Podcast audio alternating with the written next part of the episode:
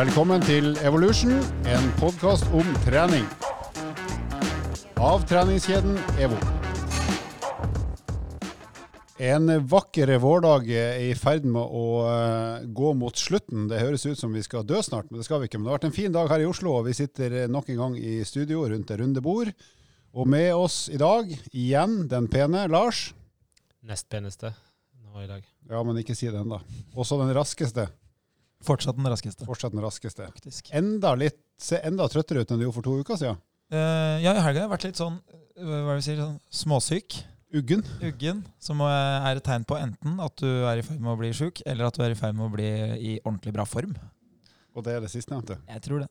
Vært- Eller så er begynner han å trene, øve seg på det livet som møter han om noen måneder. Altså han vekker seg sjøl på natta for å skifte bleie, skifte bleie, skifte beide. Kanskje jeg blir helt klæbo, bare at jeg ikke skal ut på langtur. Kanskje jeg eh, står opp midt på natta, men jeg skal bare være våken. Bare for å trene når ingen andre trener. Ja. Så ingen skal Du får gjøre sånn som et vennepar av oss gjorde. Det første ungen de hadde, de skulle ha sånn eh, De skulle på en måte gjøre alt sammen. da, Sånn at eh, når ungen våkna om natta, så skulle ikke bare den ene være våken, men begge to.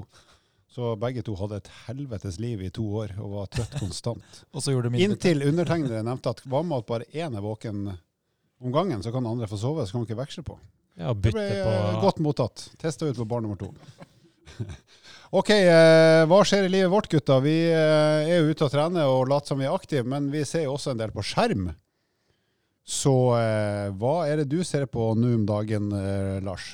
Jeg prøver å kombinere det med trening. For det, det å la hodet og tankene rulle på litt andre ting, det kan funke i hvert fall på de øktene der jeg skal puste og pese litt. Så de øktene jeg har fått kjørt på mølla med løping, så veldig greit å sette opp mobilen og koble til airpodsa og egentlig bare la, prøve å la det flyte. Samtidig som jeg har sett litt på skjerm når jeg sykler litt. Det lille jeg har sykla. Det er viktig å liksom bygge forventningene ned, har jeg skjønt i det Så det er ikke spillefilmer du ser på? Nei, VHS. Eh, nei, så det går i eh, Altså, jeg er jo glad i å ha noe En ting er å se på serier som er liksom eh, dødt innhold. Eh, bare ja, la det rulle og gå. eh, Litt skyting og litt action. Så det er jo alltid kjekt. Men eh, så er jo, syns jeg eh, Hva si eh, Ikke samfunnet, men eh, den verden der har utvikla seg. Det vil si at det produseres veldig mange bra dokumentarer rundt om.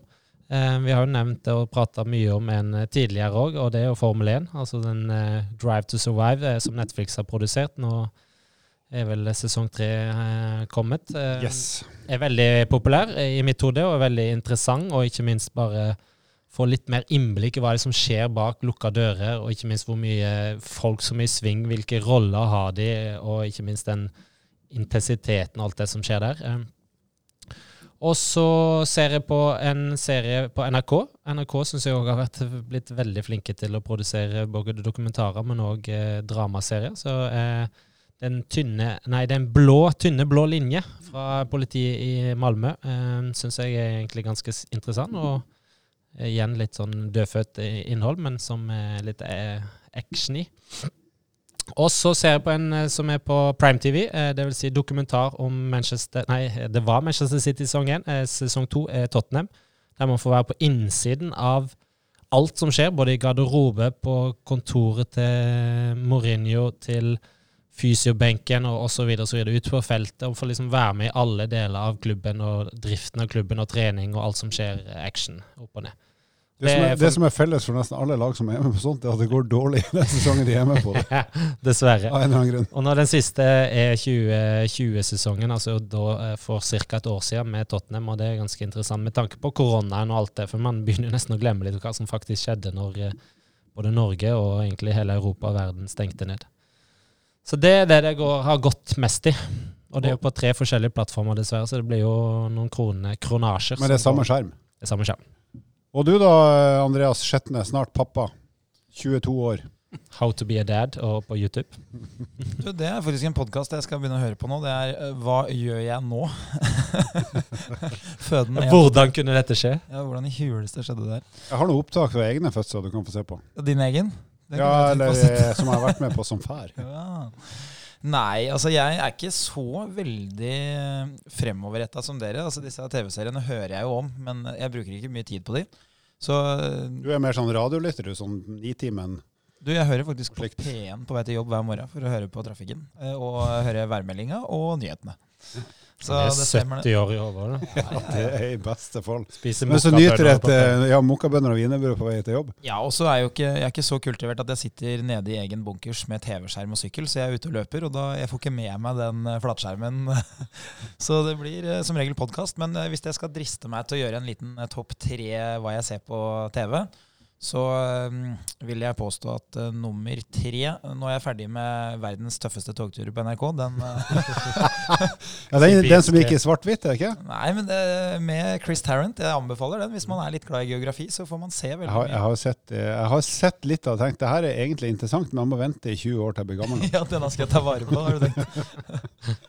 Ja, altså Nummer to på lista var Jo, nå har det jo begynt et TV-program på TV-en som jeg liker veldig bra. Det er jo Kompani Lauritzen. Det er jo en, Det er kult. eh, Det er en vinner. Dag Otto er King Kong. Ja, Så veit jeg ikke helt hva jeg syns er morsomst. Å se på det og le, eller at faren min, som har vært eh, major i Forsvaret i veldig mange år, sier 'Det er ikke sånn det er i Forsvaret', da. Jo, det er akkurat sånn det er Mm. på rekruten på Madla. For der har jeg vært. Der uh, ser det sånn ut. Jeg kan også bekrefte at det er sånn det er etter at jeg har gått befalsskole og vært eh, i Kirkenes i noen år. Ja, så jeg syns det var veldig kult at uh, Forsvaret de uh, hadde jo da selvfølgelig bidratt i stor grad til den serien her, fordi det er jo over en million mennesker som, uh, som ser på det. Så det er jo en veldig god reklameplattform for Forsvaret, og forsvarssjefen stilte seg selvfølgelig positiv til Kompani Lauritzen, for det var jo en mulighet til å rekruttere. Så det følte jeg var 1-0 til meg over majoren. Da får du en til scoring av meg, så det er 2-0 Takk. eh, Da støtter jeg Knut Skjetne, og så er vi oppe i 2-2. 2-2 For du dobbeltstemme? To poenger? Ja, men jeg håper jo han har en stemme, han òg. Nei, han har ikke en stemme, han er pensjonist. To ganger 45, og Tyskland vinner til slutt. Nei, og nummer én eh, på lista, eh, det er det som alltid er nummer én, og det er faktisk det samme som Majoren. Det er alt av sport. Det er Sesong, aldri feil. sesong 77, alt av sport. Det er nesten litt trist at vintersesongen er slutt, for nå er det jo to-tre uker med ja, litt Champions League, riktignok, ellers så er det jo nesten ikke noe ordentlig livesport. Sykkelritt har begynt, da, men eh, Det er jo litt sånn, alt av eh, NM, så Ja, det gjorde det. NM del 2 skulle jo være. Men det er jo ja, du skulle vært med der, du. Ja, ikke sant? Jeg skulle vært med i både, både skiskyting, femmil og i eh, Den siste, var det for? Hundekjøring. Altså det, det lytterne ikke vet, Andreas er i god form, men han har også en bra selvtillit. Så han meldte seg på NM-uka, han. Som da er faktisk det er vel 39 ulike idretter. Han har meldt seg på. Han er meget skuffa. Han har i hvert fall forventa seg å ha 39 diplom, deltakerdiplomer, men får null. Nei, eh, det er jo vintersport som står på toppen. Da, og for meg som, eh, som da har Min opptur er jo når den eh, trippelen går med skiskyting, skøyter og eh, langrenn. Det er, det er bra tre uker på TV-en. Altså. Det, Det er nice. eh, Samboeren min syns det er litt sånn rart at man skal bruke så mye tid på å se andre trene. Uh, hun bruker jo litt tid på det, hun òg, syns jo det er gøy. Eh, det kan hende jeg har ødelagt akkurat det å se på andre trene ved at jeg bruker mye tid på trening sjøl. Så Og det, er det er derfor Andreas skal ut i pappaperm når vintersesongen starter. Jeg skal ha min pappaperm i februar, fordi da er det mulig å gå til Kikkut onsdag til søndag. Så du, blir- du vet at du kan dele opp den pappapermen i mange år, så du kan ha februar i fem-seks år fremover hvis du vil. Kunne jeg hatt den f.eks. tre dager i uka, så kunne jeg hatt tre langturer. Og så sparer du litt til OL. ja, Det må du gjøre. Tar du til Jo, Når OL er i Asia, så må du ha pappaperm. En gang jeg brakk beinet, så brakk jeg beinet dagen før åpningsseremonien i OL. Og da var jeg hjemme i to uker. Det er de beste to ukene i mitt liv, nesten. La meg gjette, måtte Knut være hjemme? Ja, han, eh, Fulgte opp sin sønn. han var overraskende lite på jobb i de to ukene. Han. Det er bra. Sjøl syns jeg det er gøy å se på et program som heter Sofa på TV 2, som er en kopi av et program som gikk på NRK for flere år siden. Der eh, sitter du og ser på kjente folk som ser på TV, og det er ganske moro å se hva de skravler om når de ser på skjerm. Mye kule folk der. Det syns jeg er gøy. Og så eh, har jo sykkelsesongen starta på TV, så nå kan jeg sitte i seks-sju timer og se på 20-30 mil med sykkelløp eh, og kose meg glugg, for da rekker jeg å lage litt mat og surre litt rundt og trene knebøy og gå tilbake igjen og se. Så det, det er god sort. Og så syns jeg Norges tøffeste er også litt kult, for at de gjør jo ting jeg kan forholde meg til. Og så er det jo også artig å se hvor mye forskjellige folk de har klart å skrape sammen til å være med. Og man skjønner jo tidlig at eh, de har ikke nødvendigvis plukka ut de som sannsynligvis er aller råest fysisk, men de har plukka sammen folk som gir god TV, og som er i bra form også, selvfølgelig. Så det er vel det som viser seg mer og mer nå, at de har, eh, de har tenkt litt når de har pella ut de der deltakerne. Og du meldte på der forresten, Andreas? Du, eh, Det som er morsomt, er at i 2006 var ikke det? Nei, to, jo. 2013 kanskje det var. Så søkte jeg. Det var første gangen det var eh, Mm. For dette er sesong tre nå. Ja, Ja. det har gått tre ganger. Blei ikke spurt. Er fortsatt ganske skuffa, for jeg Nå skal ikke jeg si noe om årets sesong, men jeg, jeg tror ikke jeg hadde stått igjen på perrongen når toget gikk. Du hadde ikke dumma deg ut i sesongen. Det husker jeg, det var jo den bunkersen med han, eh, han eh, Ailo eh. Gaug, var det ikke? Ja, som var programleder. For jeg må jo si det sånn at uh, Når jeg ser på det programmet her Nå har jeg òg vært brannmann i det året jeg var i Forsvaret. da, så Jeg syns jo det der ser ut som det er veldig morsomt. Men øh, halvparten av deltakerne de gruer seg jo så fælt til at de skal gjøre det, at øh, de er jo de er jo ikke i stand til å gjøre det når det først starter. Det er bare småunger, vet du. Har ikke noe erfaring. Hilsen, Hilsen en, hilsen hvit mann en som bare har erfaring. Good, good. Vi skal eh, snart introdusere en eh, vakker gjest som også er delvis kunnskapsrik.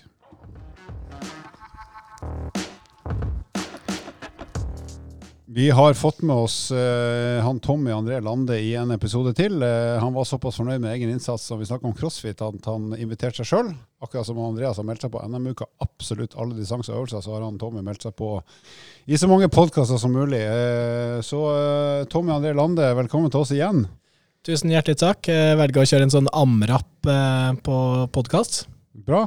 Eh, etter at du var her sist, så har vi fått inn ganske mye positive tilbakemeldinger. Ikke på det du sa nødvendigvis, men det at du var så dårlig til å sykle. Så det er flere her som vil at vi konsekvent skal kalle deg for Terskel-Tommy, eh, fordi at du har så lav terskelvatt på sykkel. Er det noe du kan leve med? Ja, det går vel helt fint, eh, sånn eh, når man eh, ser på hvor mye tid jeg har lagt inn i det. Men jeg tror det, vi, var- vi snakka jo om TT, så det var vel Tempo-Tommy. Tempo-Tommy. Du er foreløpig Terskel-Tommy, men kan bli Tempo-Tommy. Men du, da må du gjøre en jobb. Ja da, men vi, vi får se hvordan det går. Jeg mener seriøst, hvis du, den dagen du krabber over 380 watt på en 20 20-minutterstest, da kan vi kalle deg Tempo-Tommy. Husk på at da må du gå ned 20 kilo også parallelt med for at det skal bli bra. Men det, det fikser du. Men det er jeg jo ikke interessert i. Han jo har det jo som sett er ut som deg, da. Ja, ja, nettopp. Det er jo det som er litt av greia med det her, at jeg har jo lyst til å holde i gang den vanlige treninga ved siden av syklinga. Så eh, crossfiten kommer til å bestå, og jeg skal ha fortsatt satt meg som mål at jeg skal ha en clean jerk på 110-115 kilo, og jeg skal ha litt snatch og eh, gjøre litt sånne ting ved siden av, fordi at jeg ønsker ikke at syklinga skal ta all tid. Så får vi se hvordan det går. Da er at, i hvert fall eh, du den beste vektløfteren i Trondheim-Oslo. Det er jeg rimelig sikker på, hvis du får til det. det får være, det får være Og det er ikke verst. Nei. Og så er det også, eh, går rykter her om, og det kommer litt fra sida det har, men det er fra samboeren din som skriver at du har tenkt å sykle Trondheim-Oslo i bare overkropp, stemmer det? Det har jeg ikke hørt noe om. Og Nei, hun har sendt melding til oss. har hun det, ja? Ja. Ja, nei, eh, Pernille kan vel ha rett i det. Kult. Det er vel Lars som har utfordra oss, sikkert. Men du skal ha sykkelbukse, håper jeg, for det tror jeg er lurt for Jeg tenkte jeg er litt sånn sexy med de her selene over når du kjører baris. nice. Mm. Bra. Og så er det sånn Han har tapt allerede til veddemål, så det blir Borat-drakt. Da blir den polsinga meget snever. Stilig. Men den, sk- den Borat-drakta har jo faktisk eh, Den kunne jo du brukt som T-skjorte, Halvor. T-skjorte. Ja, Det den er jo G-strengen min. Du er jo så liten at eh, den har jo dekket hele kroppen din. Det verste er at han hadde rett, og selv om jeg er ordstyrer, så har jeg ikke noe å forsvare meg med nå, så nå går vi rett over til dagens tema. Som er rett og slett eh, prehab, rehab. Hvordan skal man kunne trene og bevege seg for å forebygge skader og bli sterkere i ulike øvelser og ulike bevegelser. Og Det er jo derfor vi har deg her i dag, Tommy, for du er, tro det eller ei, ganske flink på det her. Kan du si litt sånn hvis vi tar for oss den vanlige nordmann og nordkvinne, hva er, det, hva er de vanligste skadene, eller hvor er det folk flest eller oftest har vondt når de driver med trening? Nei, Man må jo skille litt mellom eh, akutte, og, akutte skader og belastningsskader. Det er jo en viktig del. Men akutte skader er jo litt mer sånn som oppstår plutselig, og som har litt sånn eh, klart eh, skadetidspunkt. Og det er f.eks. litt sånn overtråkk, og det da korsbånd, det kan være eh, type brudd, avrivninger osv. Så, videre. så det er jo da de akutte. Det er det jo ikke så mye um, kanskje som skjer når, det, når man trener. Så da er vi jo litt mer over på det med belastningslidelser. Belastningsskader, eh, overbelastninger, irritasjoner, og sånt. Eh, og der kan man nok finne litt mer sånn mot eh, skulder er ganske vanlig, og korsrygg er nok det vanligste. Og det er jo det vanligste innenfor trening, men det er jo òg det vanligste sånn når man ser eh, på den generelle populasjonen i tillegg. Så om det har noe med trening å gjøre, det er litt vanskelig å si. Men eh, det, det, er i hvert fall de to vanligste områdene. Så kjenner man jo igjen litt sånn nakkeproblematikk, kneproblematikk opp mot løping f.eks. Eh, det kan være ned mot akilleshæla, eh, plantarfasitt osv. Så, videre. så det er jo mange ulike skade... Eh, ja, mange ulike overbelastningsskader som man kan pådra seg. Men Hvis vi ser på styrketrening, og så tenker vi da de, de, som trener styrketrening på et eller annet nivå, tenker være så veldig høyt, men som er på treningssenter eller crossfit, hva som helst. Hvor, hvor er det hvor er det de vanligvis uh, får vondt, da, når det som kan si er treningsrelatert? Hvor, hvor er det de vanligvis Vanligvis, eh, Sånn med styrketrening så er det vanligvis korsrygg og skulder. Ja, og Hva er det som kan gjøres for å unngå det, eller eventuelt når det oppstår, hva kan man gjøre for å reparere det på best mulig måte? Hovedsakelig så er det jo programmering, eh, så programdesign hvor smart og hvor flink er du til å legge opp et hensiktsmessig program for deg sjøl, fordi det er så individuelt. Du kan ha en person som trener sju dager i uka, som trener ganske hardt, og klarer å tilpasse det ganske godt. Men så er det en annen person som kanskje ikke har den samme erfaringa, eh, hvor det holder med én til to ganger i uka i starten, før at man eh, eventuelt eh, øker. Og alt det der handler om eh, hvor mye belastning du gir, eh, hvor, mange, hvor, mye stress du gir på kroppen, kontra toleransen til kroppen din. Og Det er jo det som alltid må bli satt i sammenheng med hverandre. En person som har trent i lang lang tid, vil jo ha en høy toleranse og en god treningserfaring som gjør at man kan trene ganske, ganske hardt. Og det å skal trene ganske hardt er jo veldig, veldig relativt. Ja, definitivt. Eh, apropos det, Lars. Du har jobba med verdens beste alpinister. De, de, trener jo mye av alt, og masse styrketrening. Hvordan la du opp eh, kall det programmering eller miksen av belastning og hvile og, og ulike ledd og sånn? Ja, Det første vi starta med, var periodiseringa. Eh, Dvs. Si dele treningsåret og eh, inn i ulike deler. Så Vi har en konkurransesesong, en forberedelsessesong, og så hadde vi en, en ressursperiode som gikk i x antall måneder, der vi da hadde stort fokus på å trene fysisk for å bli enda bedre, mens resten av året så er det fysiske treninga med, med et overordna mål om å vedlikeholde, fordi vi ikke kunne trene nok med tanke på belastninger totalt med x antall dager og timer på ski. Um, så da med den i, i, i bakhodet så legger du på hvilke egenskaper man skal trene, og i hvilken intensitet og hvor mye. Um, og det som ofte uh, havna opp i hodet mitt, var jo det uh, fine uttrykket altså at man ikke begynner for mye for raskt uh, og for ensidig og med for høyt tempo, f.eks. hvis det er det som er i de ulike bevegelsene. Og det gjelder jo både styrke og kondisjon, hvis vi tar de to egenskapene som å skille i de to. Um, og Det tror jeg vi var veldig flinke på i Norge. Én ting er at vi har gode ressurspersoner som er gode på de ulike egenskapene på Olympiatoppen, men så er det jo òg utøverne at de har eierskap til sitt eget opplegg. Dvs. Si være ærlig med seg sjøl når de kjenner på noe. Ikke at det, man skal kjenne ekstremt godt dette, for det tror jeg nok eh, vi her inne og den norske populasjonen, som er mye brukt som uttrykk, eh, kjenner veldig godt dette. Vi har ofte litt så vi nå. Ja, vi har veldig mange diffuse muskel- og skjelettlidelser som eh, jeg setter i båsen og kategorien for at man kanskje har kjent litt godt dette. Eh, men igjen, man skal skille. Eh, så det å være ærlig med seg sjøl når man er litt f.eks. litt sliten, altså rent eh, psykisk, mentalt i hodet, at man ikke klarer å konsentrere seg når man skal gjøre litt tekniske øvelser, som i treningsformer, crossfit f.eks., eller, eller andre typer treningsformer. Så man det, og så er det jo det muskulære, at man ikke gjør med ja, rett og slett sånn ensidige bevegelser kanskje over en lengre periode, som da kanskje ikke er så hensiktsmessig. Hvis vi sånn som jeg da, tidvis får vondt i korsryggen når jeg gjør mine stusslige forsøk på knebøy og markløft, så er det tidvis at jeg har vondt i korsryggen, og det sitter i en to-tre dager. og Så kan jeg ta det litt med ro, med, og så går det seg til. Men hva kan man gjøre hvis man har vondt i korsryggen, og det, det forsvinner ikke på en dag eller to? Er det noen, er noen spesielle øvelser eller ja, noen andre ting, tiltak man kan gjøre sjøl som kan avhjelpe det? Nei, først og fremst så må du jo eh, modifisere treninga di. Du må jo eh, jobbe ut ifra den toleransen som du har i ryggen. Så la oss si at eh, i løpet av ei uke så tolererer ryggen din ti sett på knebøy og markløft totalt. Eh, og så tolererer den kanskje å løfte 1000 kg totalt. Eh, så har du kontroll på, på det og jobber innenfor den rangen, så, så vil du kanskje ha god kontroll. Men så finnes det jo mange andre øvelser å gjøre òg, da. Så hvis du gjør gjør knebøy for å f.eks.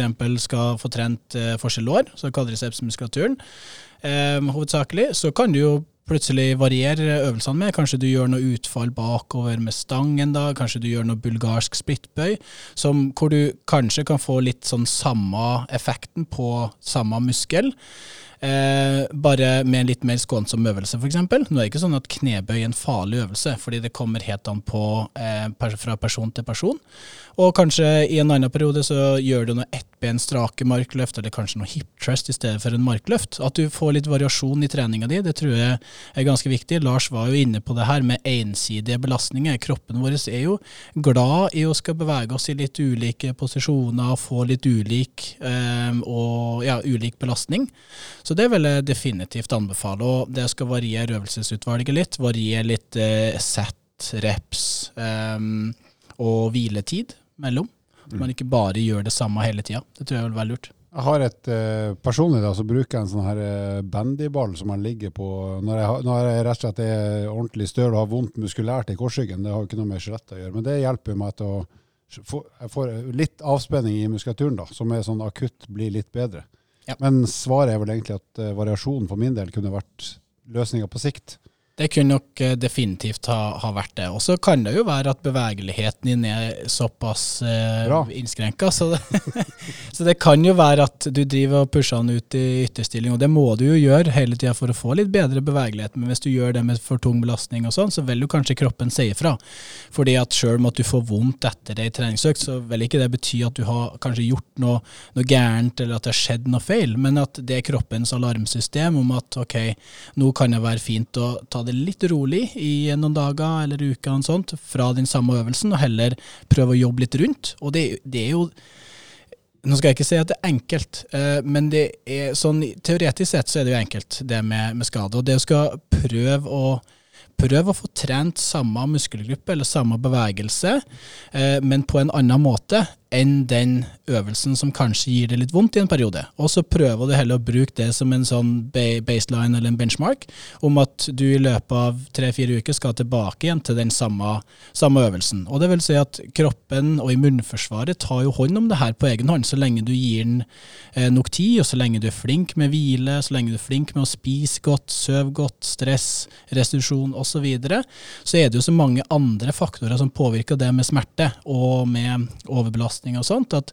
så lenge du spiller på lag med munnforsvar, så vil det her gå over eh, etter, etter, hvert, uansett.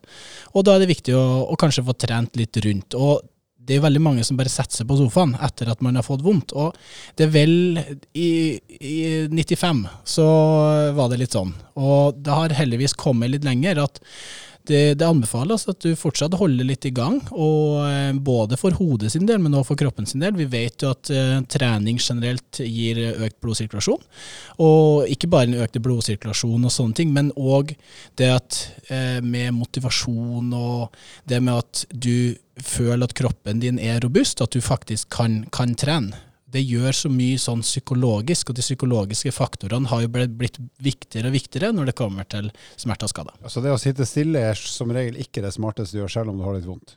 Som Nei, litt grovt sagt. Riktig, grovt sagt. Så holde seg litt i aktivitet, det er viktig. Og det er jo heldigvis den moderne klinikeren som Tommy er nå, at trening eller fysisk aktivitet er den beste medisinen.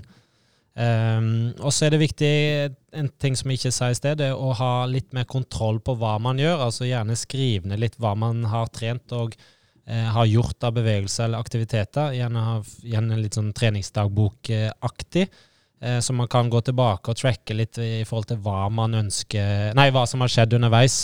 Eh, kan være smart, selv om man trenger ikke å legge ekstremt mye energi i det, hvis, med mindre man vil. Eh, hvis man er på Andreas nivå, så så, må kan man, eh, så må man kanskje litt mer. eh, Og vi burde kanskje jeg og Tommy òg, med tanke på Trondheim-Oslo, men det er en annen eh, diskusjon.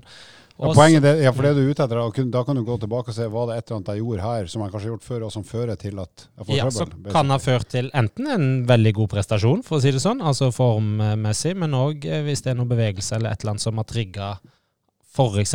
utløst en, enten en, en betennelsesaktig eh, lidelse eller en akutt smerte. Og så er det det med den pandemien vi er inne i, det gjør jo til at vi sitter ekstremt mye stille, eller mer stille. Ekstremt er et farlig uttrykk, men mye mer stille. Og vi sitter mer på hjemmekontor og kanskje beveger oss mye mindre enn vi gjør har gjort eller hadde gjort hvis vi hadde hatt en kontorjobb eller vært eh, reist til jobb osv.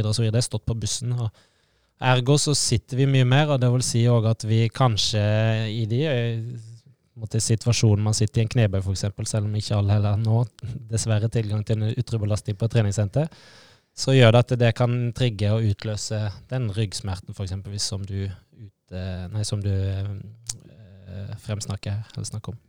En av de utfordringene som, eh, som alltid vil være i samfunnet, det er jo at alle er jo ikke kalibrert samtidig. Sånn at uh, noen har sin kunnskap fra 9. klasse f.eks. Og hvis du da er like gammel som Halvor, så er jo 9. klasse en annen gang enn min 9. klasse, som begynte i august. Eller hvis du er som Tommy, som aldri kom så langt som til 9. klasse. Som ikke vet hva som skulle bli sagt. Vi har ikke noe høyere opp enn 9. klasse i Brønnøysund. det det er Det er én lærer der, og han stå på hva hans kompetanse nådde til åttende klassen. Så kan du reise på framhandsskolen på Sandnessjøen hvis det Nei, men Det betyr jo at veldig mange har ulik eh, kunnskap, ikke sant. Og noen har jo eh, kanskje ikke forelda kunnskap, men kunnskapen om eh, behandling, aktivitet, hva som er bra, den er ikke helt lik.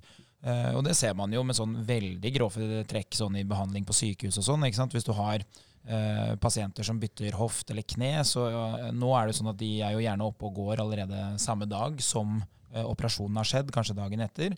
Mens man tidligere hadde de liggende i både én og to uker. Det samme med de som føder, f.eks. De jo er jo oppe veldig tidlig. Og det, det er jo klart at det ville jo vært helt gale, Mathias, for 30 år siden. Det, er ingen som hadde støtta det. Det ville jo vært eh, sett på som noe som er helt idioti. Så eh, med økt kunnskap så får vi også litt andre muligheter, men eh, det er ikke sånn at alle forstår at det er mulig. og det er jo der det er veldig fint at vi har kommet til et sted hvor veldig mange normale mennesker kan få lov til å møte de som har kunnskap. At ikke det lenger er sånn forbeholdt bare sykehus, og, og at det er spesialleger som har den kunnskapen. Bra. Hvis vi hopper videre til kondisjonsfolk, da. Nå har vi snakka litt om sånne vanlige plager i styrketrening. Hva er det som er Kall det normale vondter og skader for folk som kanskje tar løping, da, som kanskje er den mest eh, belasta aktiviteten. Hvor er det folk vanligvis får smertene der, når det går litt over stokk og stein? Det som jeg kjenner til som terapeut, i hvert fall, det kan jeg snakke eh, kun om det som jeg ser på, på benken. Og da er det Vi må flytte oss litt lenger ned da, enn fra nakke og skulder og sånt. og Ok, det er- Hvor langt da? Mm, mm, mm, mm. Nei, helst eh, under eh, ja, rundt hofteregionen og ned, kanskje. Oi, Tommy, du har kommet feil. Under beltestedet. Bra. Ja, så, så området rundt uh, hofte, det kan jo ofte bli litt uh, påvirka. Korsrygg, selvfølgelig. Eh, men det man ser mest av, er kanskje type løperkne, så knerelaterte. Uh, uspesifikke smerter. Eh, og så har man jo òg ned mot uh, leggmuskulatur og ankelleddet òg. Innsiden av fotbunnen f.eks. med plantarfasitt. Og så har man jo løperkne litt lenger opp, og så har man akillesene, betennelse og sånt. Så det, det, er jo, det er jo mange Det er mye snacks her. det er mye snacks. Det er det. Det er masse mye. Hva er, hva er ditt, hva skal, hvis du gir et generelt råd, hvordan skal du unngå å komme der du får så vondt at det blir et problem? Hvis du liksom ikke har kommet dit ennå, hvordan kan du tenke fremover for å unngå at, blir, eh, at du kommer til å få vondt? da? Ja, nei, jeg føler jo egentlig jeg kan kunne sette meg sjøl på repeat fra det vi snakka om på, på styrke. Men eh, det er jo eh, belastning på kroppen sett i forhold til toleransen, sånn at eh, du må bygge det gradvis opp. Og de aller fleste, når de, de starter med løping f.eks., så syns de jo det er kjempegøy. Og man eh, begynner kanskje å sprenge en gang i uka, så to ganger i uka, tre ganger i uka. Altså at det kanskje har blitt litt for mye eh, for kroppen, som da til slutt eh, sier fra. Og igjen, ikke noe sånn farlig. Det er som alarmsystemet i kroppen vår som sier at ok, ta det litt rolig nå, før at det kan bli en større, større skade. Men styrketrening vil jeg jo fremheve veldig når det kommer til, eh, til mm, skadeforebygging, og når det kommer til spesielt for, for løpere, så med leggmuskulatur, med muskula- støtte- og stabilitetsmuskulatur rundt eh, både hofte, fot og ankel, og korsrygg. Så det er ofte sånn at det blir litt sånn enten-eller. Enten så blir det løping, eller så blir det styrke. Mm. Sånn at du bør klare å finne en god kombinasjon mellom eh, nok styrketrening for å faktisk eh, gjøre at du kan holde på med den aktiviteten du liker. Og hva slags styrkeøvelser, hvis du da er en løper på et eller annet nivå, eh, hva slags styrkeøvelse eller øvelser vil du tenkt var smart å bruke som løper, ikke bare for å bli sterkere, men for å unngå å bli skada som løper? Hva er det som funker da? Å, det er så mange. Eh, Ta topp to eller tre. Gjør Topp det enkelt. tre. Ja. Åh, den, det er vanskelig av så mange øvelser. Men jeg vil ta funnet en øvelse for uh, forskjellår, bakselår, sete. Eh, kanskje en unilateral øvelse, så en ettbensøvelse. Mm. Kan være en uh, step-up-variant. Det kan være uh, en Altså opp og ned på en kasse, eksempel. opp og ned på en kasse. Det kan være en uh, utfallsvariant. Enten da utfall bak, eh, utfall til sida, utfall frem, frem gående utfall. Eh, og så kan jo være markløft, vil jo være en kjempefin eh, skadeforebyggende øvelse for bakside lår, f.eks. Samme som Nordic hamstring. Rygghev, eh, sånt, på det området der. Og så eh, vil du kanskje ha sett på litt eh, tåhev og sånt. Det er ganske stor belastning både på soleus og gassocnemius, muskulaturen på baksida av leggen. De får stor belastning, så det er viktig at de har såpass bra med toleranse, sånn at det tåler den belastninga du, du gir den når den sprenger. Eh, når du herja med alpingutta, var det, det var kanskje ikke så mye løping der. Men eh, hva slags øvelser gjorde dere primært for å unngå skader som en effekt av mye trening? Var det noen spesielle tiltak? Ja, altså i sesong, da. Altså Hvis vi igjen tilbake til periodiseringa vi hadde, så i skisesong, som er da fra rundt 1.9. til 1.4, der det er veldig stort volum på ski, altså vi ski nesten hver eneste dag, og så si konkurransesesongen er ja, midten av Nei, 1. til da, til slutten av mars. Eh, Så eh, trener vi mage-rygg, altså core-trening, sammen med en del enkle styrkeøvelser ved å komme til egen kroppsvekt. Og da øvelsene, som Tommy sier her, altså et step up, eh, sånn bulgarske varianter, altså bulgarsk splittbøy, eh, nordic hamstring, litt med sklimatte, bakside lår, og veldig mye mage-rygg. Så en typisk eh, uke så ut som at vi trente mage-rygg eh, sånn spesifikt fire til fem ganger i uka. Det vil si en 10-15-20 minutter. Og det trenger ikke være så mye mer enn akkurat det volumet der. Så det avhenger litt av selvfølgelig hvor stor belastning er på ski. Og bare supplere Tommy litt også på det du snakker om med, med? Det er om mange, mye bevegelse og hvor mye intensiteten og hvor lenge du holder på med løping. Men der også kan du jo gjøre noe annet enn å løpe. Du kan bruke ellipsemaskin, du kan eh, gå på rulleski eller gå på langrennsski på snø. Og, Eller sykle. eller sykle. Selv om du blir treg i bevegelsene av det, så går det an det òg. Treg. Jeg ville nok sagt at sykkel var vel det siste jeg hadde valgt som løper, men det er bedre enn å være skada. Men jeg får mange alternative bevegelsesformer du kan gjøre som gjør at du likevel eh, blir en bedre løper, selv om du ikke bare løper hele tida. Du har ikke blitt treig av sykling. Jeg er jo født treg. Ja, det er sant. Jeg har sett på fotballbanen. det er jo mora og faren min sin feil. Det som var morsomt når Halvor spilte fotball, var at det var spurt i 90 minutter. Egentlig. Ett gir. Som Skal jeg- blir skal rask gange nå, nå skal jeg fortelle dere en historie som, som jeg nesten burde ha grina av. Men jeg var sju år gammel, spilte jeg på knøttelaget til Gran Bodø. Som den gangen var det beste laget i Bodø. Damelaget til Bodø. Damelaget til Bodø. Og da Jeg var ikke spesielt rask da heller. Jeg var faktisk klart tregest. Og da stilte treneren vår, vi var da 18 gutter på sju år, stilte oss opp på rekke på dørlinja etter at vi hadde kjørt sånn løpestafetter. Og så gikk han liksom og evaluerte hver enkelt høyt og tydelig, og så pekte han meg sånn Laustad, du er jævlig treg. og det var, den, det var den tilbakemeldinga jeg fikk det året. Pedagogisk. Det var sju år gammel. Var jo på, Fikk det tidlig inn, da. var jo på sin plass. da. For Jeg hadde jo som, skjønt det. Når mannen persa på 60-meteren i fjerde klasse, og det fortsatt er persa, så skjønner man jo at det var på sin plass. Det var orkan medvind på Aspmyra stadion. Det jeg kan si, da, eh, for å være litt seriøs igjen, eh, inn igjen i treninga, og det der også, Når man jobber med egen kroppsvekt, som kanskje er det som kan være mest relatert til løpinga, spesielt i en type prehab-fase eller like mer prestasjonsfremmede fase, så jobbe med kroppsvekt og heller litt flere repetisjoner, eventuelt tidsaspektet. Altså jobbe i intervaller, eh, som vi har snakka litt om i tidligere episoder. Eh, og så heller en litt kortere pause, og så på'n igjen. I og med at man stort sett bruker egen kroppsvekt hvis man eh, gjør de type øvelsene. Hvis du skulle, hvis du skulle gitt en, eh, si en sånn eh, type bevegelser, noen enkle, enkle forslag til folk flest, enten de trener eller ikke, hva, hva kan de gjøre hver dag som sannsynligvis vil gjøre at de får litt mindre vondt i utsatte ledd i kroppen? Altså som du kan gjøre når som helst uten å ta på deg treningstøy hvor som helst. Um, da vil nok um, f, snakke om knebøy. Ja. Definitivt. Så bare det å skal sette seg ned, i, sette seg ned på huk.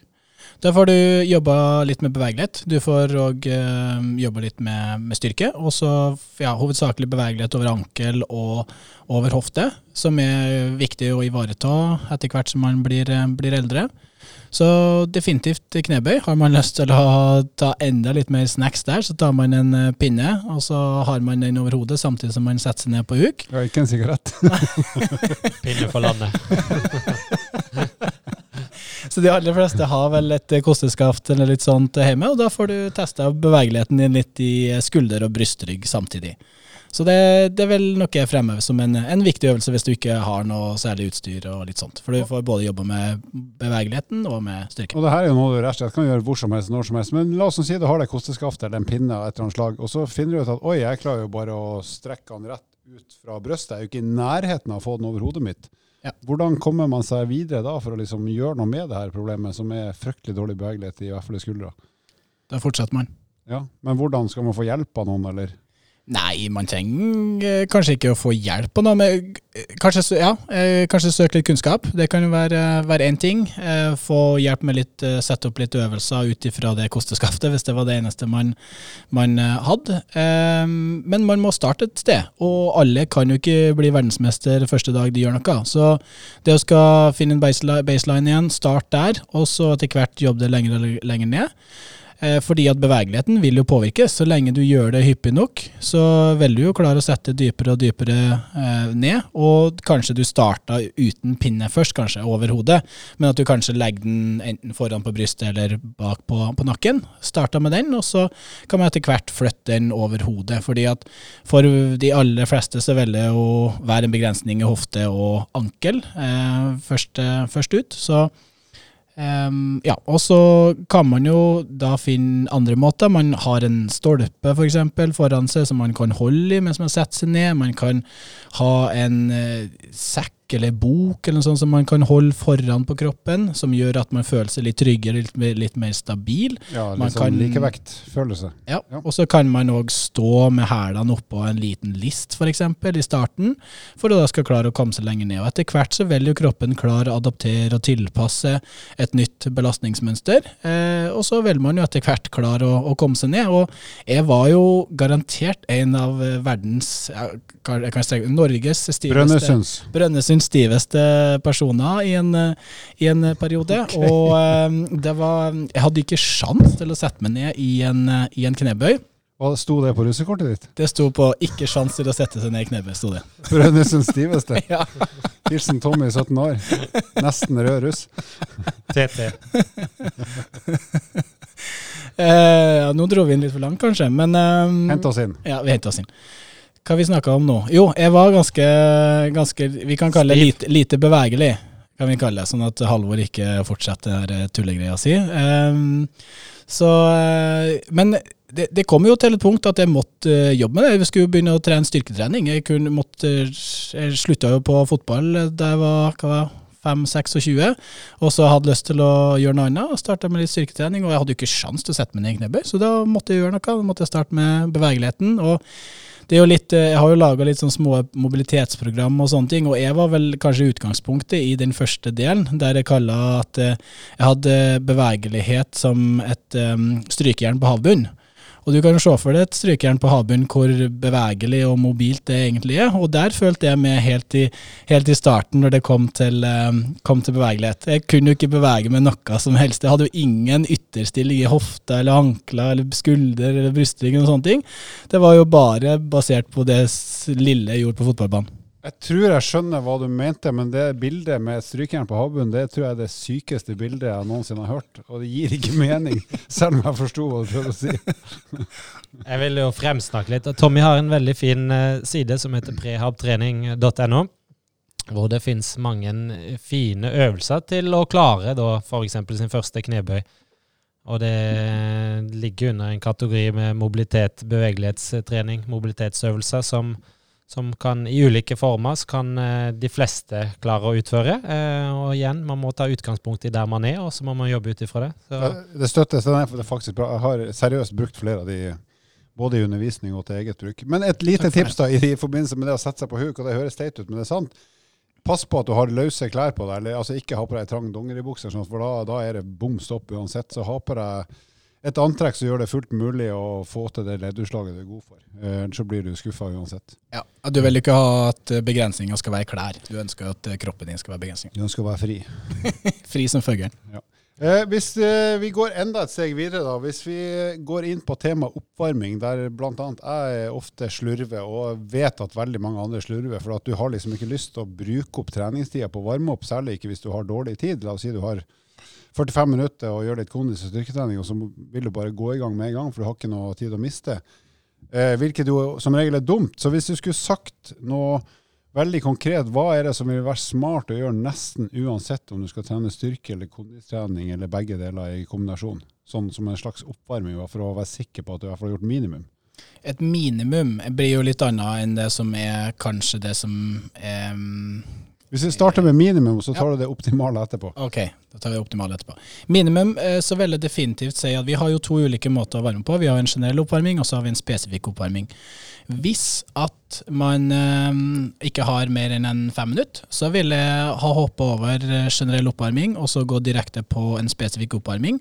F.eks. øvelser sånn som squat to stand, world's greatest stretch, eh, litt hofteåpner, litt sånn. Fordi at med eh, de bevegelsene, det er jo da bevegelser ut i ytterposisjoner, da f.eks. I, i, eh, i ankel, i hofte, i skulder og i brystrygg, så vil du jo skape mye bevegelse, og du vil jo gjøre mye av de bevegelsene som du kommer til å gjøre senere på økta. Så du vil jo ikke bare varme opp hodet og kroppen litt sånn generelt, men du vil òg varme opp litt mer spesifikt mot de bevegelsene som da eh, blir viktige når du kommer til sjølve treningsøkta. Så det vil jo være litt mer av minimum. Kanskje eh, ta for deg to til tre øvelser. Ta litt som en sånn sirketrening. Åtte til tolv repetisjoner på den ene bevegelsen. Eh, og så tar du fem-ti sekunders pause. Den eh, den pausen det tar for å gå til neste øvelse. Tar du neste øvelse, litt sånn mobilitetsgreier, og så tar du en siste, og så tar du to runder på det. Det tar ca. fem minutter, hvis at du ikke knoter veldig mye imellom. Ehm, og det vil eh, ikke bare varme opp kroppen spesifikt, men du vil òg få i gang hjertepumpa, du vil få i gang kroppen. Og det er jo ikke minst hodet og kroppen du har lyst til å få i gang, sånn at det ikke blir fra 0 til 100, men at det blir en sånn trappestige. Så det blir litt, du, du er fra, fra bilen din, eller du går akkurat inn, og så er du da på gjør litt oppvarming, så er du på 50% og så er du på 100% når du er klar for økta. Så å få gjort eh, både hode og kropp klar for trening. Og hvis du har den optimale da, oppladninga til ei god økt, hva legger du inn da i tillegg?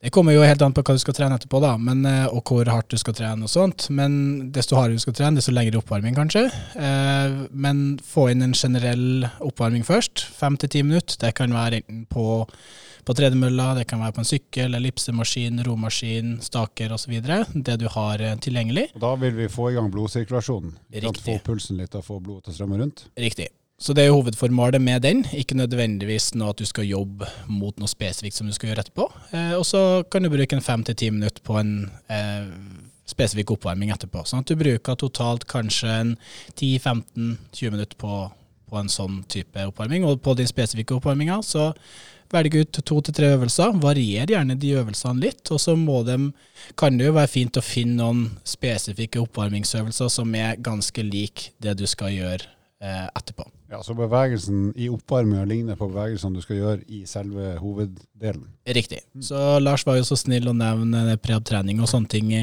i stad, så der har jeg jo mange sånne oppvarmingsøvelser som man da kan gjøre. Og Noen er kanskje basert på at du skal gjøre benkpress på økta, noen er basert på at du skal gjøre knebøy, noen er basert på markløft, noen er basert på løping osv.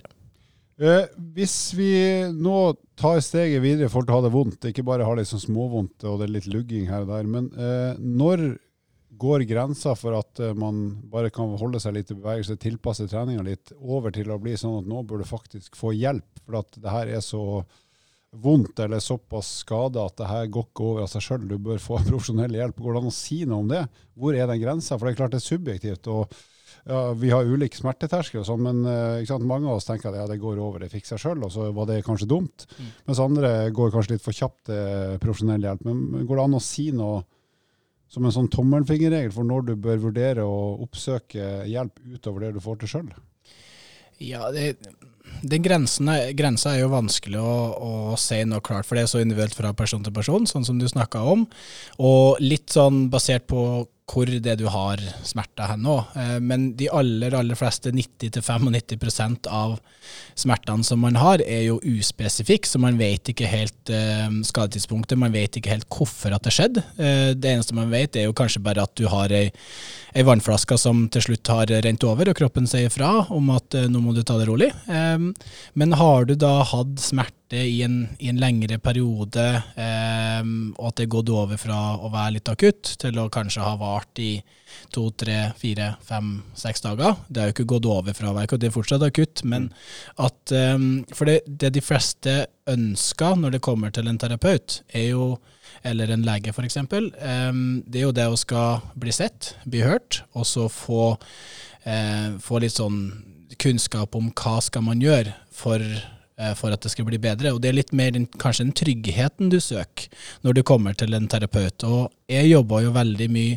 ut ifra det. Jeg har jo veldig mye fokus på at eh, jeg ønsker at kroppen skal ta hånd om det her på egen hånd. At kanskje den første behandlinga vil være mer enn type eh, få, få, hodet eller få kroppen til å stole litt på eh, hvor robust den egentlig er, og at det her kommer til å gå over eh, etter hvert. Um, Um, og kanskje få litt sånn små øvelser, små ting som man kan gjøre, litt endring i hverdagen f.eks. Og så er det jo selvfølgelig det at du kan ha en liten påvirkning med det du gjør på, på benken er som osteopat, kan jo da eh, få personen til å føle seg litt, eh, litt tryggere, få gitt litt eh, tips om hva det er man kan gjøre videre for at det skal bli, bli, bedre. Men når det da er gått over til å kanskje bli en akutt skade og litt mer en, en større skade enn noe uspesifikt, der man da har eh, f.eks. fått en akillesbetennelse eller noe sånt, så, som kanskje er litt mer langvarig, eh, så vil jeg kanskje ha søkt litt eh, kompetanse det vet jeg. Og generelt, da, hvis du er usikker og, du, og smerten i hvert fall ikke blir noe mindre i løpet av to-tre dager, så er det vel kanskje lurt å heller ta kontakt en gang for ofte enn en gang for lite, sånn sett. Ja, det kan, det kan, nok være smart. Og det er jo mange som kommer til å føle seg veldig mye bedre bare etter at man da har snakka med en annen person om de, de smertene man har, og at man føler seg trygg. For at det verste som det som gjør at smerter kanskje kan blomstre opp litt, det er jo det at man, man er redd for at det er noe alvorlig. Sånn at man får noen til å, å se på det. Og så syns jeg det er viktig å si en ting som du eller vet at du er veldig flink på. Det er at man trenger ikke å stoppe all aktivitet. Man kan òg trene rundt eh, eventuelt et skadeområde, eller der man har en, en eh, både akutt og en eh, belastningslidelse. Så at man ikke stopper helt opp, for det er veldig mye annet man kan gjøre, og ikke minst kanskje kroppen har veldig godt av. Eh, og Vi har snakka mye om det tidligere, og det er taktskiftet. Det med å tilpasse intensiteten både i hverdagen og ellers. Tommy nevnte òg det med kosthold, søvn osv. Det er mange eh, måte, faktorer som kan spille inn, og vil spille inn. Ergo, eh, ikke stopp helt opp, men gjerne prat med noen som er god på, på det med skade, og eventuelt få noe behandling hvis det er behov for det. Ja. Så hvis man vet da hva som er grunnen til at man har fått den skaden eller den smerten, så gjør litt mindre av det. Gjør litt mer av andre ting som du føler eh, gjør det bedre. Spis eh, kanskje litt ekstra i den eh, tida der kroppen Eller næringsrik mat, selvfølgelig. Eh, ikke ostepop. Nei, ikke bare ostepop. Eh, og legg det tidlig, få god natts søvn, og ha fokus på litt av det der med, med restitusjon og sånne ting rundt. Og jeg jobber jo veldig mye eh, Jeg jobber en del som osteopat og har en del behandlingstimer. Og det er ofte litt sånn brannslukning i starten for å få, kropp, for å få eh, personen til å stole litt mer på, på, kroppen, at det er ikke noe alvorlig og sånt. Og så kan man jo gi da litt ulike øvelser og sånt, og man søker bare bare kunnskap hos en annen person, men at det ikke blir sånn at man hele tida må gå til en terapeut hvis at man, hvis at man kjenner noe. Eh, fordi at sånne ting kan gå over raskere enn det man tror. Så det er òg viktig å stole litt på kroppen og kroppens immunforsvar. Eh, til de av oss som da eh, er sløv med oppvarming og kanskje litt sånn ikke tar helt sånne småsignaler på alvor når det begynner å gjøre litt vondt, kan du si litt om eh, hvordan eh, en liten dæsj av målretta sånn forebyggende bevegelighetstrening kan hjelpe oss både når vi driver kondistrening og styrketrening på høyt og lavt nivå. Mm. Hva, hva, er gevinsten? For det tar jo litt tid. ikke sant? Det tar ikke mye, men det tar litt tid, men likevel det ligger kanskje noe i andre enden der som er å, som gjør at det er lurt å bruke de minuttene på, på litt uh, smart uh, oppvarming og bevegelighetstrening før vi går i gang. Hva er det som kan ligge og vente på oss i andre enden der? Definitivt. Den gulrota der er jo ganske viktig, spesielt for de som satser litt, og de som syns det er veldig veldig gøy med, med løping, og at man blir liksom tatt av den løpe, løpebølgen. At man uh, prøver å holde bitte litt uh, igjen, men at man òg ser på variert trening, og styrketrening selvfølgelig. Du snakka jo litt om bevegelighetstrening òg.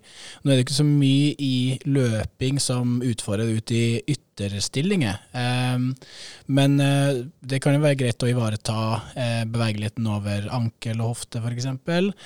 Og så er det jo ikke minst styrketreninga, da. Og gjøre litt av de øvelsene som vi snakka om litt tidligere, både de som er nevnt og de som eh, Lars nevnte. Eh, vil jo gi det en kjempefin eh, sånn eh, base til at kroppen din skal tåle den julinga den får med all den løpinga. Meget bra. Da skal vi sette over eh, til lyd. Ukens spørsmål og en aldri så liten fun.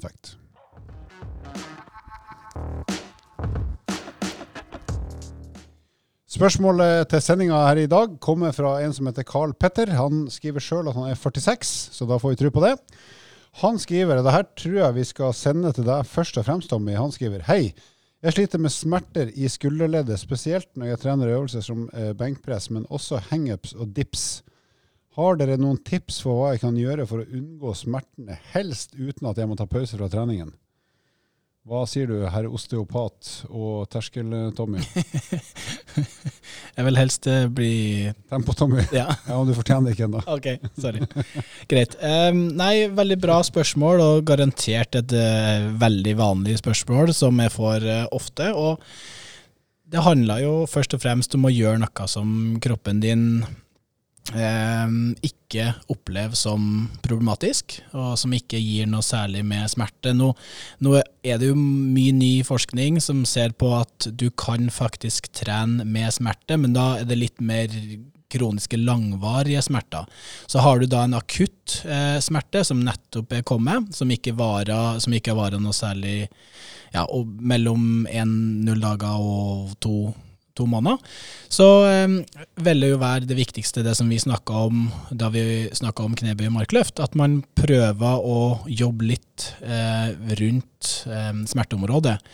Og så etter hvert begynne å vinne tilbake tilbake bevegelsesrepertoaret, eh, og så jobbe litt med de øvelsene. Så nå ser jeg jo at det da er benkpress og hangups og dips, og det er jo klassiske øvelser som kan gi litt eh, vondt i en skulder. Og så kanskje i stedet for en, en benkpress, hvis man skal være så nært benkpress som mulig, så kan man jo, kunne man jo ha prøvd en smal benkpress f.eks., for, eksempel, for å se om det gir det samme smerten um, i, i, skuldra. ja, så rett og slett å holde smalere, hendene nærmere på stanga når man ja. løfter opp. Og ha albuen tett inntil kroppen når man går ned. Så å teste, hvis det, hvis det gjør vondt det òg, så kan man jo da gå til en annen øvelse. Det, det som òg kan være fint i en periode, det er jo hvis du da vanligvis trener på 80-90 kg i benkpress, fem repetisjoner, så kan du halvere vekta, 50% av det, og så ser du da om smertene er like da når at du har halvert belastninga på kroppen. Så hvis det da er sånn at du blir bedre, at det ikke gjør noe vondt lenger, så kan det være fint å starte på 50% og så bygge seg opp til den, eh, til den kiloen som du da har vært på. Da, da bygger du litt sånn um, ja, det bygde jo en større toleranse da for Og du har vært innom 50 kilo, du har vært innom 55, du har vært innom 60, sånn at du kanskje øker med 2,5-5 kilo i, i, uka, bare for å gi et litt nytt stimuli til, til muskulaturen. Og ikke nødvendigvis bare til muskulaturen og kroppen, men òg til hodet.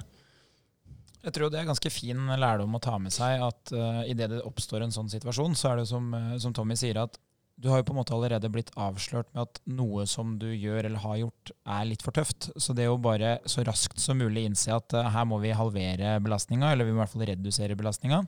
Uh, der hvor det ofte går ordentlig på tverke, er jo de gangene hvor man uh, ser signalene, men man ønsker ikke å ta de imot, fordi de ødelegger en eller annen plan, eller kanskje du er et sted i treninga di hvor du faktisk nå presterer så bra at du endelig er der du har lyst til å være, eller du er bedre enn det du har vært. Og så får du kontrabeskjeden om at nå må belastninga ned. Uh, men det er, det er, da du Det må du ta til deg. jeg pleier å si at det er bedre å avstå fra et par treningsøkter enn å bli stoppa fra å kunne trene en hel måned. Og det er jo ikke alltid at det skjer, men sånn i snitt så er det ofte det du egentlig velger mellom. da. Ja, og det er helt riktig. Jeg vil edde på en liten ting, og det handler jo om den tekniske utførelse. Um, og det kunne vært et tips å få rett og slett noen som har kompetanse til å se på teknikken din i de ulike øvelsene, om man skal tilpasse teknikken, eventuelt endre teknikken, eventuelt kjøre bare med noen andre alternative øvelser, som Tommy var litt inne på. Og eh, det finnes jo veldig mange flinke personlige trenere der ute som jobber på treningssenter og utenom, som eh, kan hjelpe deg. Så ikke bare gå blindt på det man ser på, på YouTube eller på sosiale medier, men òg faktisk fysisk får en en ærlig tilbakemelding på teknikken i de ulike øvelsene. Ja, og en kyndig person ser mer enn du ser sjøl, selv, selv om du tar video. Yes. Mm. Og det har jeg jo òg testa. Vi alle personlige trenere vi har jo vært borti kunder som har hatt litt sånn småproblematikk med enten skulder eller noe nakke eller rygg eller noe sånt. og til syvende og sist så handler det jo om å få personen i aktivitet og få han til å trene. Eh, og det med teknikk har jo òg litt, eh, litt, å si. Så hos veldig mange, spesielt eh, benkpress, hvor du er så avhengig av et godt oppspenn, få dratt skuldrene godt ned, eh, eller dra skulderbladene godt ned i posisjon, i stedet for å bli liggende veldig høyt oppe med, med skuldrene. Så få dratt de godt ned, i, på, plassert godt i, um, i, i benken, så vil jo kanskje det gjøre en forskjell bare det. Men vanligvis finn eh, litt eh, øvelser, litt andre øvelser som ikke gir de samme, samme problemer, samme smertene, og heller jobb litt rundt. Så i stedet for en hangups, test en bred nedtrekk. Det er jo egentlig samme, samme muskulatur som du jobber med, men sjekk om det gjør noe vondt. Hvis at det òg gjør vondt, så kanskje ta en rovariant i, i stedet, som vanligvis ikke påvirker skuldra i så stor grad som en hangups, pullups, chins og eh, bred nedtrekk. Da tror jeg han Karl Petter har fått eh, rett og slett ganske gode tips som han skal klare å ta med seg i treninga. Vi skal avslutte sendinga som vanlig med en fun fact, og jeg har funnet fram noen tall fra verdensrekordløpet til Usain Bolt på 100 meter i 2009. Kan man tenke, Hva har det med oss å gjøre? Egentlig ingenting. Men det som er litt fascinerende der, det er å se på den steglengden han hadde i snitt. Han hadde i snitt 2,44 meter i steglengde på de 41 skrittene han brukte på å løpe 100 meter. Og 2,44 Fire det er vel lenger enn min personlige rekord i stille lengde. Og Det har han også gjort uh, eh, 41 ganger, og da har han bare løpt. Ja, og så er jo um, eh, 100-meteren er jo blokkstart, så hvis du hadde fjerna de si, uh, første ti meterne, så tipper jeg jo steglengden er sikkert over 2,5 meter per steg. Da er det jo på nivå med Tommy sin personlige rekord i lengde med tilløp. Tre steg. Ja, det er imponerende. Siden han har slutta. Hva er, hva er verdensrekorden? 9,58. Og det ble løpt i Berlin på, en, eh, på et blått tartandekke. Stemmer. Oi, oi, oi. Gamle Olympiastadion. Raske. Har det foregått uh, Det er hjemmeplassen din, ikke Vi er født der. Ja. Unnfanga på Berlin stadion. Ja. Ikke av Eva Braun. Oshi. Da tror jeg vi må avslutte. Ok. Vil du vite mer om trening, abonner på podkasten og sjekk ut vårt treningsmagasin på evo.no.